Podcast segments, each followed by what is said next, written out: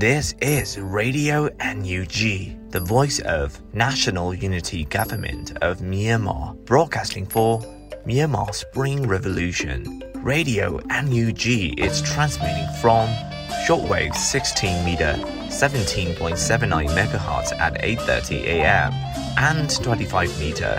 11.94 megahertz at 8:30 p.m. Myanmar Standard Time. မင်္ဂလာပါခင်ဗျာ အမျိုးသားညီညွတ်ရေးအစိုးရရဲ့အတန်လွင့်ဌာန Radio NUG ကိုမနက်ပိုင်း၈နာရီခွဲမှာလိုင်းတို16မီတာစက္ကန့်တက်သမ9 MHz ညပိုင်း၈နာရီခွဲမှာလိုင်းတို25မီတာ17တက်သမ6 MHz တို့မှာဓာတ်ရိုက်ဖမ်းယူနိုင်နိုင်ပါပြီမင်္ဂလာအပေါင်းနဲ့ပြည့်စုံကြပါစေအခုချိန်ကစပြီး Radio NUG အစီအစဉ်တွေကိုဓာတ်ရိုက်အတန်မြင့်ပေးနေပါပြီ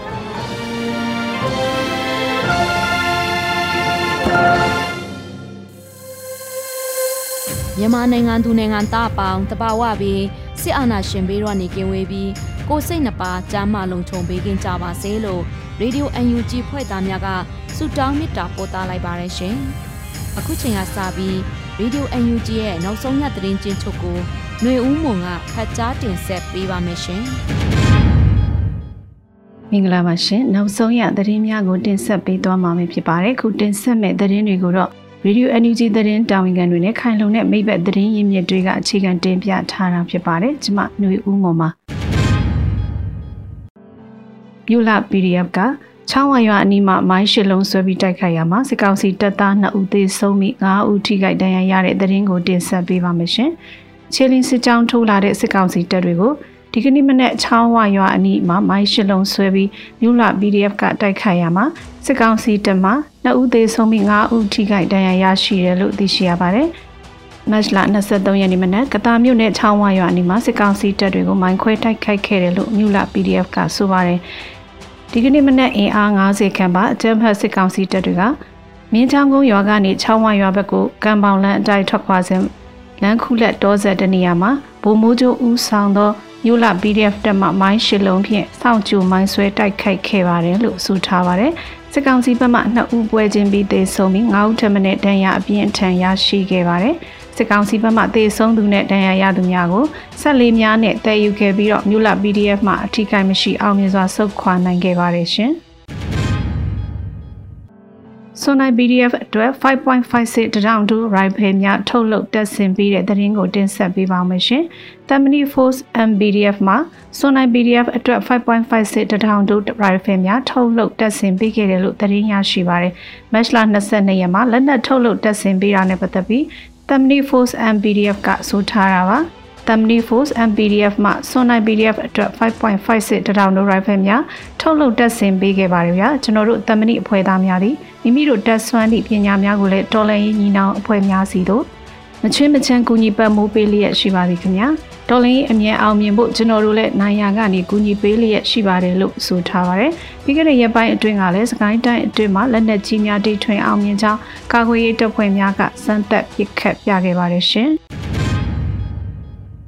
KLGPDF နဲ့မဟာမိတ်အဖွဲ့ဝင်များစစ်ကောင်စီတပ်တွေကိုဝင်တိုက်ရမှစစ်ကောင်စီဘက်က10ဦးထပ်မံသေဆုံးတဲ့တရင်ကိုတင်ဆက်ပေးပါမယ်။မင်းကြီးမြို့နယ်တောင်ရင်းချောင်ကျော်ရွာမှာတက်ဆွဲထားတဲ့ စစ်ကောင်စီတပ်တွေကိုဒီကနေ့မနက်ပိုင်းအစောက KLGPDF နဲ့မဟာမိတ်တပ်တွေဝင်တိုက်ရမှာစစ်ကောင်စီဘက်က10ဦးသေဆုံးခဲ့တယ်လို့သတင်းရရှိပါရတယ်။မတ်လ23ရက်မနက်9:30အချိန်မင်းကြီးနယ်တောင်ရင်းချောင်ကျော်ရွာမှာတပ်ဆွဲထားတဲ့စစ်ကောင်စီတပ်တွေကိုဝင်ရောက်တိုက်ခိုက်ခဲ့တယ်လို့ KLGPDF ကဆိုထားတာပါ။မတ်လ23ရက်မနက်9:30အချိန်မင်းကြီးနယ်တောင်ရင်းချောင်ကျော်ရွာမှာတပ်ဆွဲထားတဲ့စစ်ကောင်စီတပ်တွေကို KLGPDF ချွေသမင်မုတ်ဆိုး PDF ရွှေတရီကန် PDF ကဏီတရင်နှင့်နဲ့ဒေသခံမဟာမိတ်များပူးပေါင်းတိုက်ခိုက်ခဲ့ကြပါတယ်လို့ဆိုထားပါတယ်။ဆိုပါတိုက်ပွဲမှာအပြန်အလှန်ပစ်ခတ်ရမှ2နာရီနီးပါးကြာမြင့်ခဲ့ပြီးတော့စစ်ကောင်စီဘက်က10ဦးသေဆုံးခဲ့ပါတယ်။ PDF ရဲဘော်3ဦးကြီးကြီးထားပြီးမစိုးရင်ရဘူးလို့လည်းသိရှိရပါတယ်ရှင်။ ဆလင်းကြီးမြို့နယ်ရွှေတောင်ကုန်းမှာဆင်းလာတဲ့စစ်ကောင်စီက18စီအတိုက်ခံရတဲ့တရင်ကိုတင်ဆက်ပေးပါောင်းမယ်။စကိုင်းတိုင်းဆလင်းကြီးမြို့နယ်ရွှေတောင်ကုန်းမှာဆင်းလာတဲ့စစ်ကောင်စီက18စီကိုဒီကနေ့မနက်အစောပိုင်းကတိုက်ခိုက်ခဲ့တယ်လို့တရင်ရရှိပါတယ်။မတ်လ23ရက်မနက်ပိုင်းမှာစီရေးတရင်ကို Brother Defense Book BDF ကဆိုထားတာပါ။ စကိုင်းတိုင်းစလင်းကြီးမြို့နယ်အတွင်းမှာရွှေတောင်ကုန်းမှဆင်လာသောစစ်ကောင်စီကား19စီးကိုမတ်လ23ရက်ဒီနေ့မနက်4:30အချိန်မှာ Unity Force မုံရွာ UFM နဲ့ Brother Defense Force PDF တို့မှစတင်တိုက်ခိုက်ခဲ့ပါတယ်လို့ဖော်ပြပါတယ်။တိုက်ခိုက်မှုကြောင့်စစ်ကောင်စီဘက်ကသေဆုံးခြင်းကိုမသိရသေးပဲရဲဘော်များလုံခြုံတဲ့နေရာပြန်လည်ရောက်ရှိလာပြီလို့သိရှိရပါတယ်ရှင်။နေစုံနယ်ပြားမှာရှိပြီးအင်အားနည်းတဲ့ရဲစခန်းတွေညမအိပ်ဖို့ စစ်ကောင်စီကလျှို့ဝှက်ညွှန်ကြားစာပေါက်ကြားတဲ့သတင်းကိုတင်ဆက်ပေးပါဦးမယ်။နေစုံနယ်ပြားမှာရှိပြီးအင်အားနည်းတဲ့ရဲစခန်းတွေညမအိပ်ဖို့စစ်ကောင်စီရဲ့လျှို့ဝှက်ညွှန်ကြားစာပေါက်ကြားခဲ့တယ်လို့သတင်းရရှိထားပါတယ်။မတ်လ29ရက်နေ့တော်လည်ကြီးနေ့မှာရဲစခန်းတွေကို PDF တွေဝင်တိုက်ခိုက်နိုင်တယ်လို့ဆိုရင်စေကြောင်းအခုလိုညွှန်ကြားစာထုတ်ပြန်တယ်လို့လည်းသိရပါတယ်။ ရဲစခန်းများအနေနဲ့ဘန်ကဂရုကြီးဆက်သွယ်ရေးများများတူပြီးစခန်းတစ်ခုလုံးတဝက်သား AB တဝက်ကင်းဆောင်စနစ်ကျင့်သုံးဖို့ကိုအဓိကထားညွှန်ကြားထားပါတယ်။ဒါအပြင်ရဲစခန်းတွေအနေနဲ့မြို့နယ်မှာရှိတဲ့တပ်တွေနဲ့ချိတ်ဆက်ဆောင်ရွက်ဖို့လဲစစ်ကောင်စီကလမ်းညွှန်ထားပါတယ်ရှင်။သေဆုံးသွားတဲ့စစ်ဘိုးရဲ့ပခုံးကကျဲဝင်တွေနဲ့အလှဆင်ထားတဲ့ဖက်နှက်ကိုလေးလန်တရားမှာ American Dollar 18500အထိပေးဝေတဲ့သတင်းကိုတင်ဆက်ပေးပါမယ်။ သေဆုံးသွားတဲ့စစ်ဘုပခုံးမော်ကကျဲဝင်းတွေနဲ့အလှဆင်ထားတဲ့ဖက်နှက်ကိုမတ်လ22ရက်မှာမတ်ပန်ဆယ်လိုကလီလန်တင်ရောင်းချပေးရာအမေရိကန်ဒေါ်လာ18500အထိပေးဝေတယ်လို့လူမှုခွင့်ရက်မှအသိပေးရေးသားထားပါတယ်။စစ်ခွေးအစီကပ် PDF ဖက်နှက်နန်းနေလေးလက်အနေနဲ့ American Dollar 18500နဲ့လေးလက်အောင်မြင်သွားပါပြီ။အကောင့်တူပေါင်းစုံနဲ့ဝိုင်းဝန်းနှောက်ယှက်နေတဲ့ကြားက ကောင်းဆုံးဖြတ်ကျော်ဖန်တီးနိုင်ခဲ့ပါတယ်။လေးလံဝင်ဆွဲပေးကြသူအားလုံးကိုလည်းအထူးကျေးဇူးတင်ပါတယ်။စစ်ခွေးတွေပခုံးပေါ်ကတန်ဖိုးမရှိတဲ့အစီတွေဟာဖက်နှက်လိုနေရာမှန်ကိုရောက်တဲ့အခါပြည်သူရဲ့မုံတရားနဲ့ပေါင်းဆက်ပြီးဒေါ်လာ18500တန်ဖိုးရှိတဲ့ PDF ဖက်နှက်အဖြစ်သမိုင်းဝင်သွားခဲ့ပါပြီလို့မတ်ပန်ဆယ်လိုကဆိုပါတယ်။လက်စင်ထားတဲ့ဖက်နှက်ရောင်းချရငွေကိုကာကွယ်ရေးတပ်ဖွဲ့ထံလက်နက်ဝယ်ပေးမှာဖြစ်တယ်လို့တော်လိုင်းရေးဖွဲ့စည်းများကိုလည်းကူညီထောက်ပံ့မှာဖြစ်တယ်လို့သတင်းရရှိပါတယ်ရှင်။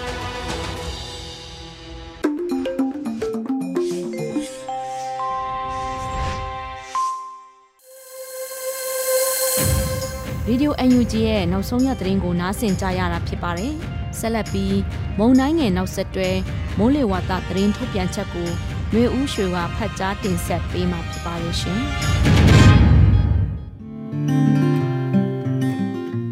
အမျိုးသားညီညွတ်ရေးဆိုရာလူသားချင်းစာနာထောက်ထားရေးနဲ့ဘေးအန္တရာယ်ဆိုင်ရာစီမံခန့်ခွဲရေးဝန်ကြီးဌာနအနေနဲ့မုံတိုင်းငယ်ရဲ့နောက်ဆက်တွဲခြေအနေကိုထုတ်ပြန်ထားပါတယ်။ အဲ့ဒီထုတ်ပြန်ချက်မှာတော့ဒီကနေ့နေ့နဲ့6နာရီချိန်တိုင်းထွာချက်တွေအရဘင်္ဂလားပင်လယ်အော်မှာဖြစ်ပေါ်ခဲ့တဲ့မှုန်တိုင်းငယ်ဟာမြန်မာနိုင်ငံကုန်းတွင်းပိုင်းသို့ဝင်ရောက်ခဲ့ပြီးဖြစ်ပါတယ်။မှုန်တိုင်းရှိန်မှာချက်ချင်းမပြတ်ပြဲသေးတဲ့အတွက်ကုန်းတွင်းလေပွေလှိုင်းဖြစ်ဆက်လက်ရှိနေနိုင်ပါတယ်။အဲ့ဒီအတွက်မြန်မာနိုင်ငံထက်ပိုင်းနဲ့အထူးသဖြင့်အလဲပိုင်းဒေသတွေမှာနေရာစိတ်စိတ်မှနေရာကွက်ကြားမိုးထစ်ချုံရွာသွန်းနိုင်ပါတယ်။တစ်ဆက်တည်းမှာပဲမုန်တိုင်းငယ်ဖြတ်ကျော်ဝင်ရောက်ခဲ့တဲ့အေယာရီတိုင်းဒေသကြီးလက်ပုတ္တာခရိုင်အတွင်းမှာရှိတဲ့ မုံတိုင်းနဲ့ပတ်သက်ပြီးကြိုတင်ပြင်ဆင်မှုတွေဆောင်ရွက်ခဲ့တယ်လို့ဒီကနေ့23ရက်3လ2022မြေပြင်သတင်းတွေအရလက်ပုတာမြို့ပေါ်မှာရှိတဲ့မုံတိုင်းဆောင်ပြည်သူတွေအနေနဲ့ကတော့ရာသီဥတုတာယာလျက်ရှိတဲ့အတွက်တချို့မှာမိမိတို့နေထိုင်ရာကျေးရွာတွေကိုပြန်လည်ထောက်ခါလျက်ရှိနေတာကိုတွေ့ရပါတယ်။တစ်ဆက်တည်းမှာပဲကျေးရွာတွေကိုပြေးဆွဲလျက်ရှိတဲ့တင်မောတချို့မှာလည်းမုံတိုင်းဆောင်ပြည်သူတွေနဲ့အတူ၎င်းတို့နေထိုင်ရာဒေသတွေကိုပြန်လည်ထွက်ခွာလျက်ရှိရလို့သိရပါတယ်။ မုံတိုင်းရဲ့အရှိန်နဲ့ပတ်သက်ပြီးတော့ပြည်သူတွေရဲ့အသက်အန္တရာယ်ထိခိုက်မှုမရှိသလိုနေအိမ်တချို့နဲ့အဆောက်အုံတချို့မှာတော့မုံတိုင်းရဲ့လေအရှိန်ကြောင့်ပျက်စီးခဲ့တယ်လို့သိရပါတယ်။လက်ဗုဒ္ဓမြို့ပေါ်မှာရှိတဲ့မုံတိုင်းဆောင်ပြည်သူတွေအတွက်ပြည်သူတွေအချင်းချင်းပူးပေါင်းကူညီစောင့်ရှောက်ခဲ့တဲ့အတွက်ဖုံးတော်ကြီးကျောင်းတချို့မှာတော့မုံတိုင်းဆောင်ပြည်သူ150လောက်ကြန့်ရှိနေသေးတယ်လို့သိရပါတယ်ရှင်။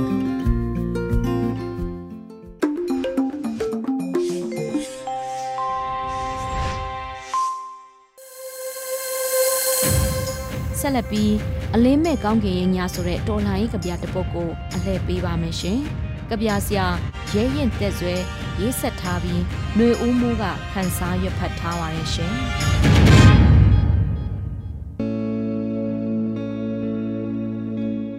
။အလင်းမဲ့ကောင်းကင်ရင်ညာအသက်သွေးချွေမျက်ရည်စမြ အလင်းပြောက်ကောင်းကင်အောက်မှာအစိမ်းရောင်ဝိယုံများနဲ့လိုင်စင်ရတားတက်သမားများလက်ထဲယုံကြည်မှုတစ်ခုအတွက်အသက်ပေးသွားကြတဲ့သူရဲ့ကောင်းများတဏှာကြီးမဟုတ်ခဲ့ဘူးအမေငိုနေလားချစ်သူမျက်ရည်ဇက်များနဲ့ကြေကွဲမှုမီးအိမ်ကိုထုံးညှိနေသလားဂုံယူလိုက်စမ်းပါ ကျဲတွေကျွေတဲ့လမ်းမှာငင်းဖို့တော့အချိန်မရလိုက်တဲ့အခြေအနေစိုးကြီးကိုအလိုမတူပဲလက်ခံလိုက်ရတဲ့ညစောင်းတီးမပြတ်တဲ့နီရိုးဘရင်လိုလူစားများကလွဲလို့လူမသေးဘူးတဲ့အိမ်ကမုံညင်းစိတ်ရှာတယ်လို့မျိုးသွေးနဲ့ကိုသားနဲ့ကိုနာကြီးခဲ့ရတဲ့ညပါ33နှစ်လုံးလုံး Brutus လိုလူတွေကြားမှာအဲ့ဒီညနောက်တစ်ချိန်မကြုံရအောင်ဘဝအများစွာပေးဆက်နေရင်းနဲ့ဆာဝီလီယံရဲ့နောက်ဆုံးနှုတ်ထွက်စကားလွတ်လပ်ရေးဆိုတဲ့အတန်သာအကြိမ်ကြိမ်ကြားနေမိတော့တယ်ညကတော့ကုံနိုင်တယ်လို့ရမရှိတော့ဘူးရဲရဲတက်ဆွဲ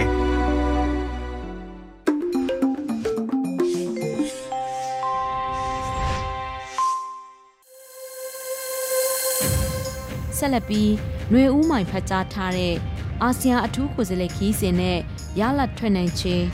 ကြရှုံးနိုင်ငံတော့မဟုတ်ပြုတ်လဲမဲ့နိုင်ငံဖြစ်တော့မလားအမိယမိုးမခဆောင်းပါကို နားဆင်ကြရမှာဖြစ်ပါတယ်ရှင်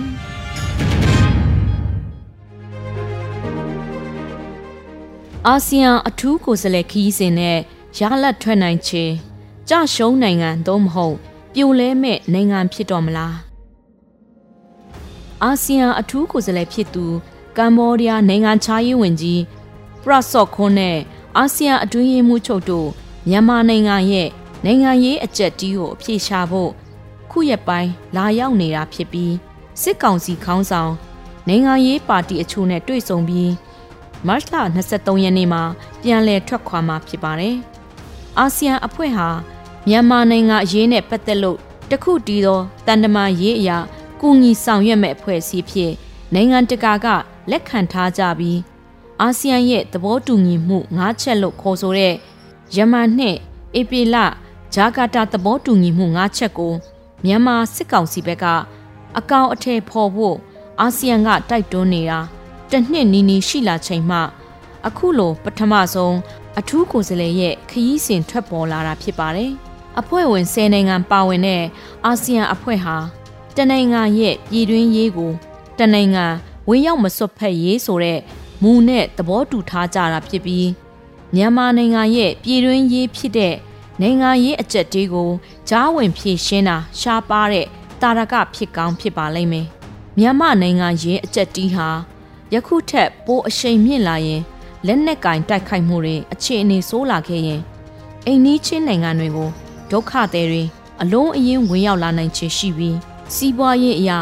တရားဥပဒေစိုးမိုးမှုအရပြိုလဲခဲ့ရင်လဲအိမ်နီးချင်းနိုင်ငံတွေဖို့ဒုက္ခသည်ပြဿနာမူးယစ်ဆေးဝါးပြဿနာစတဲ့အကျိုးသက်ရောက်မှုတွေခံစားရနိုင်ခြေရှိလို့ဒေသဆိုင်ရာပြဿနာအဆင့်ကို ရောက်လာနိုင်ခြေရှိတာကြောင့်မြန်မာအရေးကို ပြည်တွင်းရေးတက်တက်လို့မတက်မှတ်တော့ပဲအာဆီယံအနေနဲ့ကြားဝင်ဖြည့်ရှင်းပေးဖို့ဆောင်ရွက်လာတာလို့နားလည်ပါတယ်ခုပထမဆုံးခီးစဉ်မှာ နိုင်ငံရေးအကြက်တီးမှာအထူးကပါဝင်နေတဲ့အဖွဲ့အစည်းတွေအားလုံးကိုတွေ့ဆုံဖို့အခွင့်အရေးမရခဲ့တာကလည်းဝေဖန်စရာဒေါ်အောင်ဆန်းစုကြည်နဲ့တွေ့ခွင့်ပေးဖို့ညင်းဆိုထားတဲ့စစ်ကောင်စီရဲ့ကြိုတင်တတ်မှတ်ချက်ကြောင့် NLD ခေါင်းဆောင်လူမျိုးနဲ့တွေ့ဖို့အခွင့်အလမ်းမရခဲ့သလိုလက်ရှိနိုင်ငံရေးစစ်ရေးအားပြိုင်မှုမှာပါဝင်နေတဲ့ NUG လိုတိုင်းရင်းသားလက်နက်ကိုင်အဖွဲ့တွေလိုမျိုးနဲ့မတွေ့ဆုံနိုင်ခြင်းဟာပြိပခကိုအပြည့်ရှာဖို့အရေး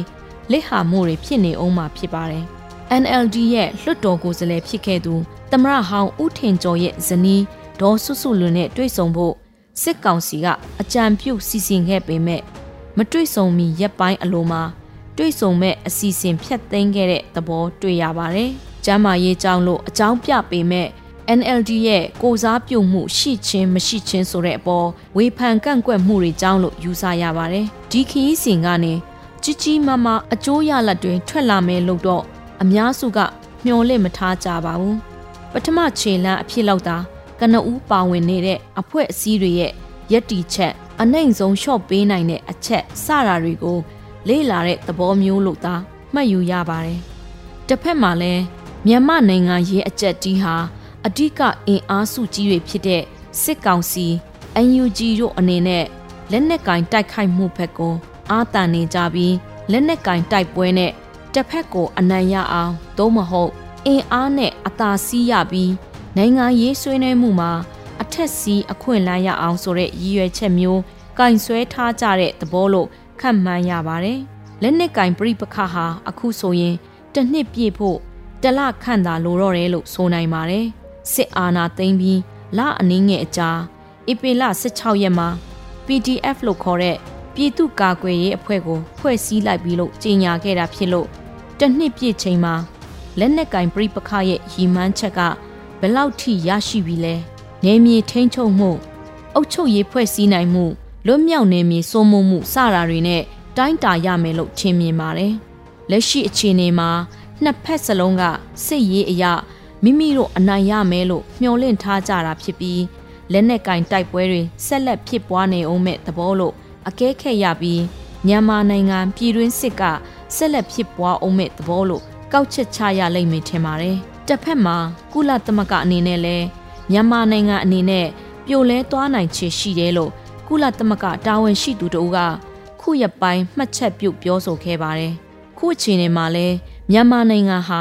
လက်နက်ကင်တိုက်ပွဲတွေနေရာအနှံ့ဖြစ်ပွားနေပြီးစိုက်ပျိုးရေးမလုပ်ကင်နိုင်တဲ့ကျေးရွာနဲ့ဒေသတွေအများပြားရှိသလို ကိုဗစ်ကူးစက်ကပ်ဘေးကန့်သက်ချက်ကုံသွယ်ရေးအတားအဆီးတွေကြောင့်ထိခိုက်နေပြီးဖြစ်တဲ့စိုက်ပျိုးရေးလုပ်ငန်းတွေကုံသွယ်ရေးစက်ယုံအလုပ်ယုံမှာလုပ်ကင်တဲ့အလုပ်သမားတွေအဖို့နိုင်ငံရေးပြဿနာလက်နက်ကင်တိုက်ပွဲတွေကြောင့်နှစ်ထပ်ကွမ်းအထိနာနေကြပြီဖြစ်ပါတယ်။ပြည်တွင်းမှာအလို့အကန့်အခွင့်အလမ်းမရှိတဲ့လောက်ဖြစ်တာကြောင့်အိမ်နီးချင်းနိုင်ငံမှာအလုတ်သွားရောက်လုပ်ကင်ဖို့နေ့စဉ်တရားမဝင်ခိုးဝင်နေကြသူယာကနန်းရှိနေပြီး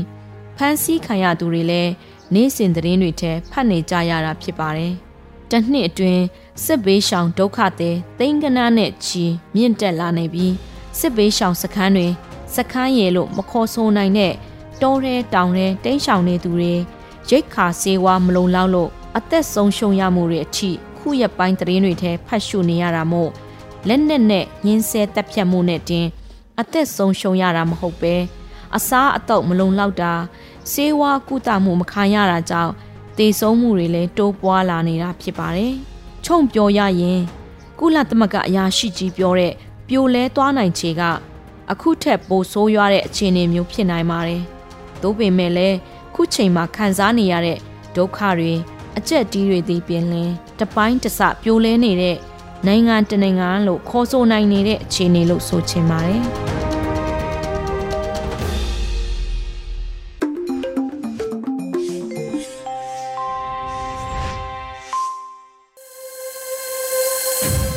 Radio UNG မှဆက်လက်တန်လှည့်နေပါတယ်။ဆက်လက်ပြီးတော်လန်ရေးတေဂီတာအစီအစဉ်ကနေတားဖြိုးနဲ့ဖွဲ့ဒီဆိုတဲ့ကျဲဆိုတဲ့တခြင်းကိုနားဆင်ရဖို့ရှိပါတယ်ရှင်။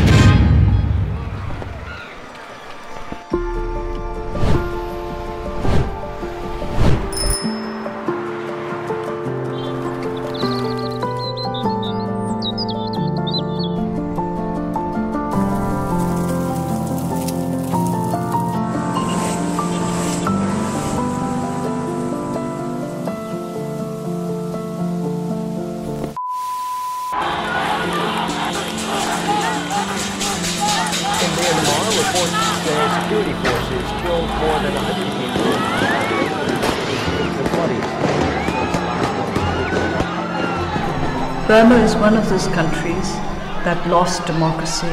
and are trying to find it again.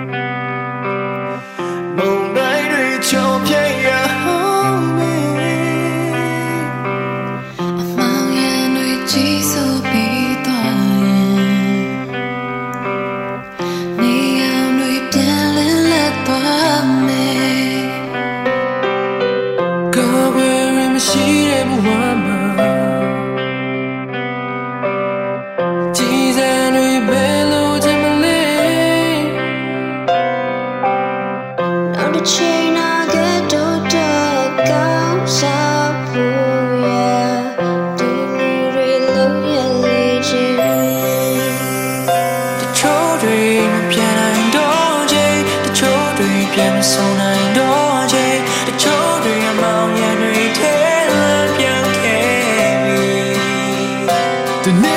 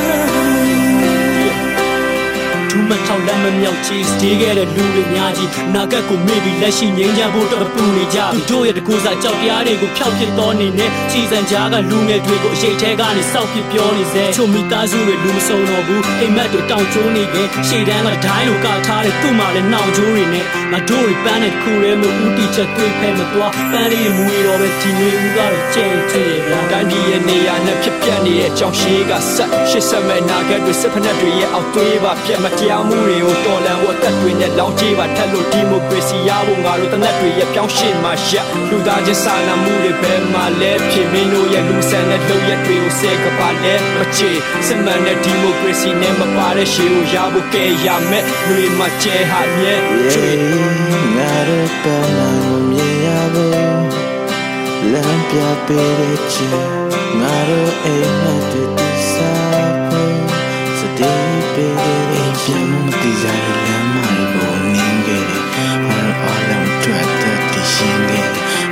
အမှန်တရားအတွက်စခင်းရတဲ့သူရဲ့ကော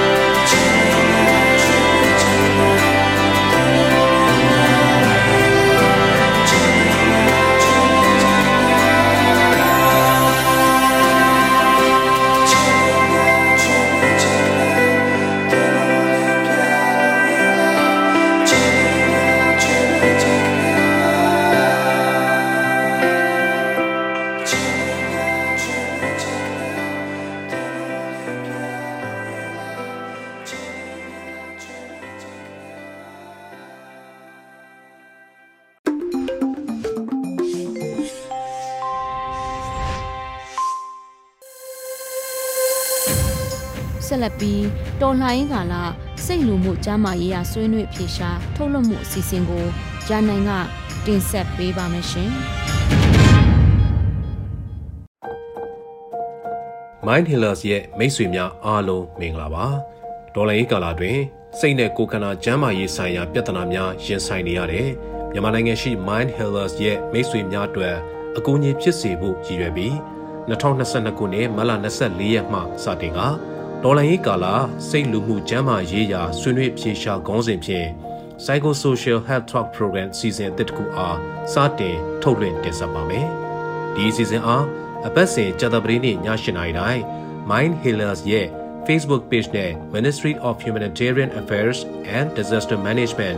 NUG ရဲ့ Facebook Channel များမှာထုတ်လွှင့်တင်ဆက်ပါမယ်။စိတ်လူမှုကျန်းမာရေးဆိုင်ရာအကြောင်းအရာများကိုတော့ပညာရှင်များဖြစ်ကြတဲ့ဒေါက်တာတီတာ FSSTH UK မျိုးဆက်ပွားကျန်းမာရေးဆိုင်ရာဆွေးနွေးကူညီသူနဲ့ဒေါက်တာဖြိုးတီဟာစာရေးသူတို့ကအပတ်စဉ်ဆွေးနွေးတင်ဆက်သွားပါမယ်။စိတ်ပါဝင်စားသူမိတ်ဆွေများအနေနဲ့အပတ်စဉ်အားပေးကြည့်ရှုဖို့ဖိတ်ခေါ်လိုက်ရပါတယ်။မိတ်ဆွေများအားလုံးကျမ်းမာပျော်ရွှင်ကြပါစေ။ဒေါက်တာတီတာ FSSRH UK နဲ့ဒေါက်တာဖြိုးတီဟာတို့ဆွေးနွေးတင်ဆက်ကြမယ်။တော်လိုင်းကာလနဲ့မျိုးဆက်ပွားကျမ်းမာရေးတောကများအကြောင်းအရာကို 2022ခုနှစ်မတ်လ24ရက်ကြာသပတေးနေ့ည8:00နာရီချိန်မှာထုတ်လွှင့်ပေးသွားမှာဖြစ်ပါတယ်။ကျွန်တော်တို့ Mind Healers အဖွဲ့မှမိတ်ဆွေတို့ရဲ့စိတ်ဖိစီးမှုတွေကိုမျှဝေခန်းစားရင်စိတ်ခွန်အားပေးဖို့ psychosocial support sessions များလည်းအခမဲ့ပြုလုပ်ပေးလျက်ရှိပါတယ်။တကယ်လို့မိတ်ဆွေတို့အနေနဲ့ COVID-19 ကြောင့်စိတ်ပူပန်ဖိစီးမှုများတဲ့အတွက်ကြောင့် COVID related stress လူမှုရေးပြဿနာကြောင့်စိတ်ပူပန်ဖိစီးမှုများသောကြောင့် social problem မိသားစုပြဿနာကြောင့်စိတ်ပူပန်ဖိစီးမှုများသောကြောင့် family problem နိုင်ငံရေးຫນွေဦးတော်လှန်ရေးနဲ့ဆက်ဆက်တဲ့ပြဿနာများကြောင့်စိတ်ပူပန်ဖိစီးမှုများတဲ့အတွက်ကြောင့် spring revolution related problems စီဒီအမ်ဝန်ထမ်းတွေနဲ့စိတ်ဖိစီးမှုပိုများလာသောကြောင့် stress as a CDM staff အခြားသောစိတ်ဖိစီးစရာအကြောင်းရင်းများကြောင့်လူချင်းစီအလိုက် psychosocial support counseling session ယူလိုတဲ့ဆိုရင်ပေါ်ပြပါ Google link ကတစ်ဆင့်ဆက်သွယ်အကူအညီတောင်းခံနိုင်ပါတယ်ခင်ဗျာ။။